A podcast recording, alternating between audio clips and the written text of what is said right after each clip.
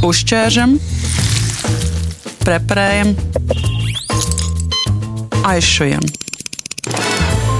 Tāda ir mēdīņa anatomija.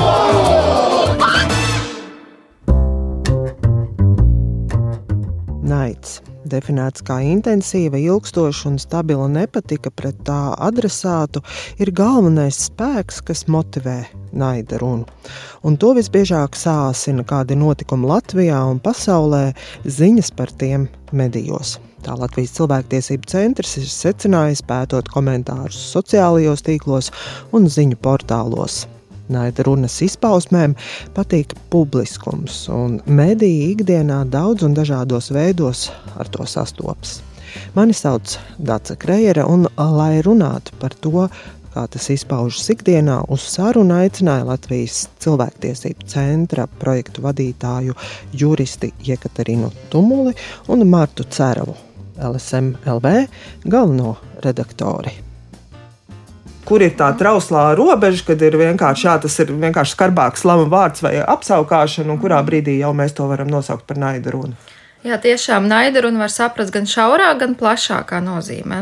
Un kā jūs pat teicāt, kur ir tā trausla robeža, un robeža ir tiešām trausla, jo mums ir naida runa, mums ir vārda brīvība, kas it kā pirmšķitami nu, ļauj mums izteikt savu viedokli. Bet nu, vārda brīvībai ir robežas, un tas robežas tiešām naidrunas gadījumā ir tur, kur ir citu cilvēku tiesības, lai mēs uh, varētu nepieļaut, piemēram, tos pašus noziedzīgos nodarījumus, lai nepieļautu kaut kādu drošības apdraudējumu sabiedrībai, jo principā tad, kad mēs runājam par to, teiksim, tā naidu, tas skar konkrētas cilvēku grupas, un tas noteiktā veidā, piemēram, ja mēs runājam par nezinu, tautības pamatu, tas var arī destabilizēt to situāciju sabiedrībā jā, un izraisīt kaut kādus plašākus konfliktus, vardarbības, uzbrukumus un, un tā tālāk līdz ar to. Un katrā noteiktā gadījumā, protams, ir jāveic vērtējums. Vai tas ir kaut kas pieļaujams, vai tas tomēr aizskar jau citu cilvēku tiesības. Un tas nav nemaz tik vienkārši. Līdz ar to nevar tā uzreiz noteikt, hops, te ir robeža un stop, un tā, un tas ir balts, tas ir melns. Bieži vien tas ir tā, tur ir jāskatās un jāvērtē. Un tāpēc uh, mums studijā ir Marta Cerava no LSM uh, galvenā redaktore. Nu, ikdienā tiem cilvēkiem, kas strādā uh, ar mēdīju saturu un arī, protams, ar komentāriem, es domāju, ka jūs ikdienā esat tas sirds. Kurā brīdī jūs saprotat, jā, šis vairs nav pieļaujami? Mums ir tā priekšrocība un reizē trūkums, ka portālā jau divus divus gadus aptuveni esam atslēguši komentārus. Tā kā visa šī naida plūsma ir pārgājusi vismaz mūsu gadījumā tikai uz sociālajiem tīkliem. Un tas ir mūsu ikdienas darbs. Atveram katru no tīkliem vaļā un, un, un redzam, ka tur ir milzīga tā plūsma arī ar, ar dažādu veidu agresiju. Un mēs to skatāmies plašāk, vairāk, jo tas ir arī ļoti darbietilpīgi un katru komentāru ļoti smalki vērtēt un svērt mums nebūtu spēka un laika. Līdz ar to mēs lielāko daļu padarām neredzamus tos komentārus. Tā, tā ir tāda vieglākā pazudināšanas forma, šī naida, un, un tas tā, tā var būt parasta rupeklība, un tas var būt li, lielāks naids. Jā. Bet, ja mēs redzam, ka ir ārkārtīgi kā, spēcīgs uzbrukums kādai konkrētai grupai, tad šajā, tajā gadījumā mēs šo cilvēku arī bloķējam. Bet, ja mēs parasto mazo rupeklību no, nobloķētu uzreiz, tad mums vispār beigtos komentāri mēs algoritmam zaudētu tajā tīklā tīklu vidēs. Nu, lūk, un un vēl, vēl agresīvākus mēs reportējam e, šīm platformām, bet tas e, notiek reti, jo tas arī ļoti darbietilpīgi. Nu, kā jūs redzat, vai tā ir kaut kāda neliela sabiedrība, kas tad arī visur komentē, visur raksta, un tas varbūt paliek arī tajā kaut kādā konkrētajā vidē, vai tomēr mums ir vērts runāt par to, ka naida runa tā jau ir e, problēma, par kuru nu, kā, jā, vairāk jārunā, jādomā, jāmeklē vēl citi risinājumi. No nu, manas skatu punkta un arī cik mēs darbā darbā esam saskarušies ar šiem jautājumiem, tā ir problēma. Un es pat nevaru teikt, ka naida runa mazinās interneta vidē. Diemžēl, diemžēl tā ir izplatīta joprojām un diezgan daudz, gan internetā, gan ārpus, jo īpaši internetā. Jo kāpēc mēs runājam pa, pamatā par internetu? Jo tā ir tā redzamākā vide, kur principā ik viens var redzēt, kā tā izpaužās. Un tā var arī aptvert diezgan plašu auditoriju.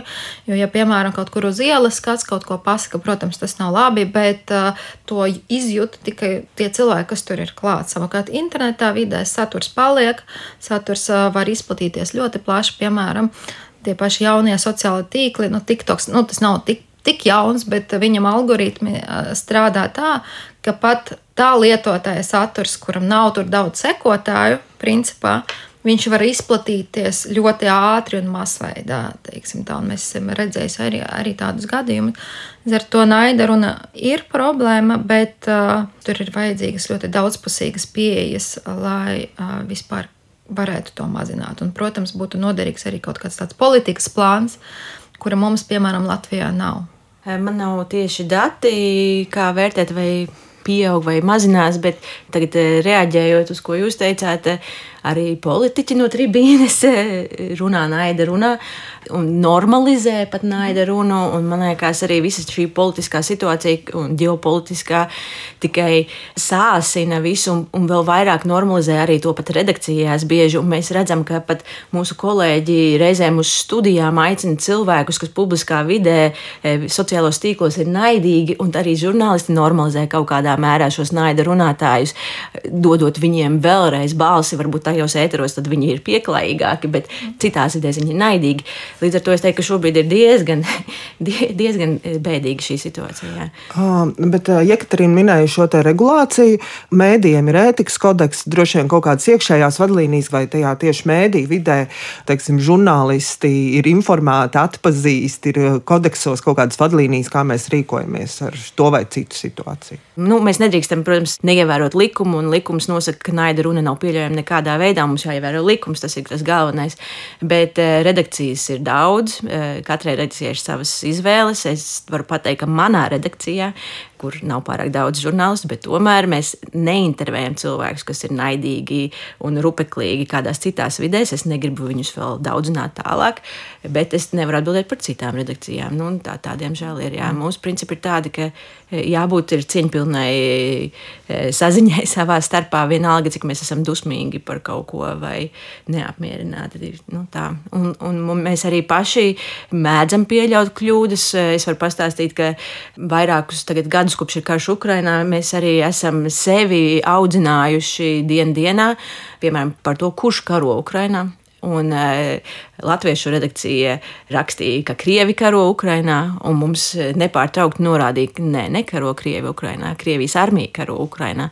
Un mēs esam izstrādājuši tādas iekšējās vadlīnijas sadarbībā ar Ombudi par to, kā tad cieņpilni mums runāt pret šīm dažādām cilvēkiem un tautībām, tā lai visi, kas šeit Latvijā dzīvo, nu, nejustos, ka pret viņiem tiek kurināts naids pat e, sabiedriskajā mēdījā. Nu, tā, piemēram, pagājušajā nedēļā mums bija publikācija par to, ka jaunie ārsti vairs nerunā krieviski un par to, ka jūt naidu runu no pacientiem, bet ir vēl pacientu tiesības saprast informāciju, kas ar viņiem notiek un kā to izsvērt, kā to atspoguļot, lai abas puses cieņpilni tiktu parādītas.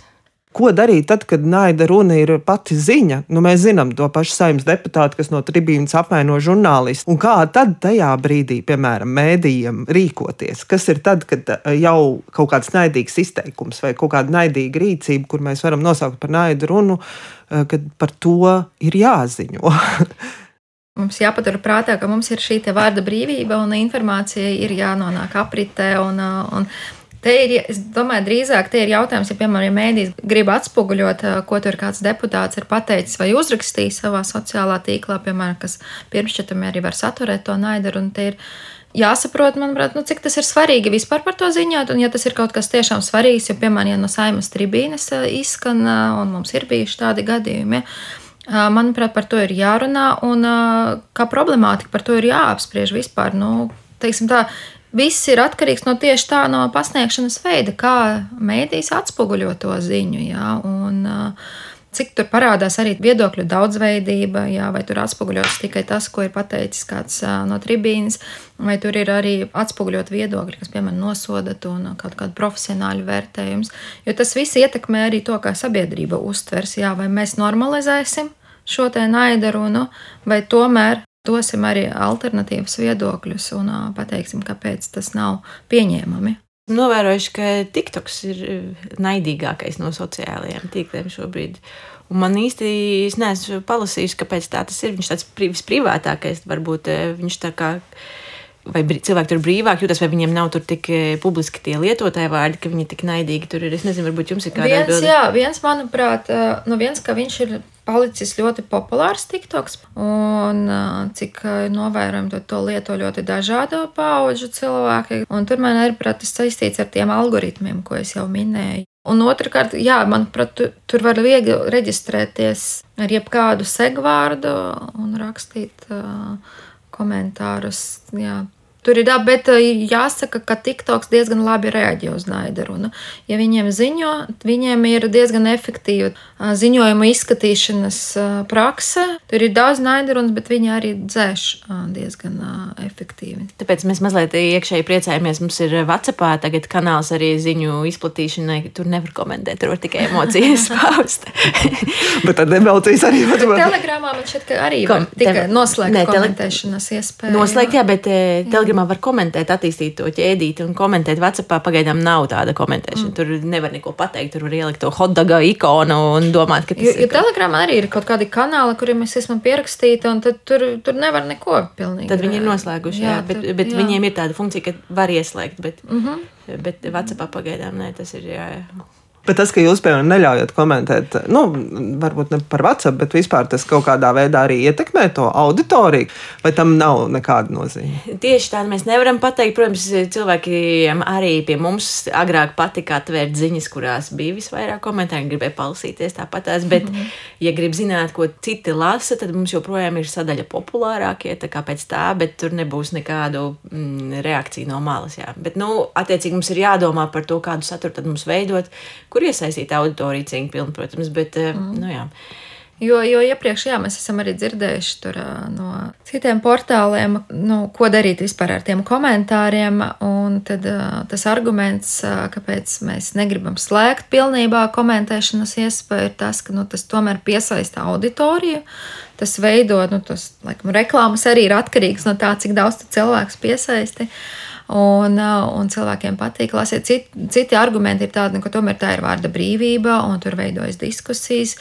Bet nu, jautājums tiešām, cik tas diskusijas ir. Um, teiksim, tā, uh, vispusīgas, un vai tas tiešām atbilst šīs vārda brīvības uh, funkcijai. Jo, ja tur tiek publicēta tikai kaut kāda naidaruna vai tāda viedokļa, kas aizskar citus cilvēkus, nu, manuprāt, tas īsti neatbilst vārda brīvības principam kā tādam secinājumiem, arī klausoties jūs, ir par to, ka, nu, jā, ka naida runai vajag to publiskumu. Tam naidīgumam ir vajadzīgas tās dzirdīgās ausis vai acis, un pēc iespējas vairāk. Līdz ar to, eh, ka katrs no mums var būt kaut kādā veidā tas, kas, kas apstādina to. Jā, ik viens cilvēks, kas redz kādu naidarunas komentāru.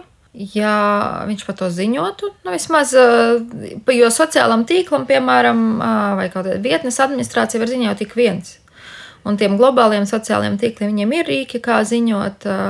Un, es domāju, tad, tad jau būtu mazāk šīs runas internetā. Tā kā ik viens jā, var reaģēt un, un vai nu atbalstīt, vai nu uzrakstīt vismaz kādu komentāru, kas tieši ir vērsts nevis uz to uz tām negācijām, bet tieši uz atbalstu, cilvēku atbalstu. Līdz ar to es domāju, tam arī pozitīvam vēstījumam, ja tam atbalsta kaut kādam vēstījumam un komentāram, arī ir milzīga nozīme. Bet, gan, gan pašiem cilvēkiem, pret ko naida runa ir vērsta, gan principā uz sabiedrības uztveri. Bet kā jūs redzat, vai arī tā aktivitāte no citu komentētāju puses tam ir nozīme? Es domāju, ka tam ir liela nozīme. Es pat zinu, ir valstis, kur mēģina veidot, ir tie saukti troļļi, kas kā, raksta pamatā visādas negatīvas komentārus un satura ievieto. Un ir arī tā saukti elfi. Ir pat nu, projekti, kaut kāda bija, vai tādas iniciatīvas, pilsoņu iniciatīva, kur veidot elfu armiju, kas tieši mēģina oponēt tiem troļļiem, veidojot nu, to tādu pozitīvāku un, un objektīvāku skatījumu uz, uz dažādiem jautājumiem par naida runu un kā mēs ik katrs varam to apturēt, raidījumā Mediju anatomija runāju ar Jekaterinu Tumuli no Latvijas cilvēktiesību centra un LSMLB galveno redaktoru Mārtu Cēravu. Mediju anatomiju šodien veidoja Ezitāts Krējere un Rēnis Budze. Uzķēršam, preparējam, aizšujam. Tāda ir mēdīņa anatomija.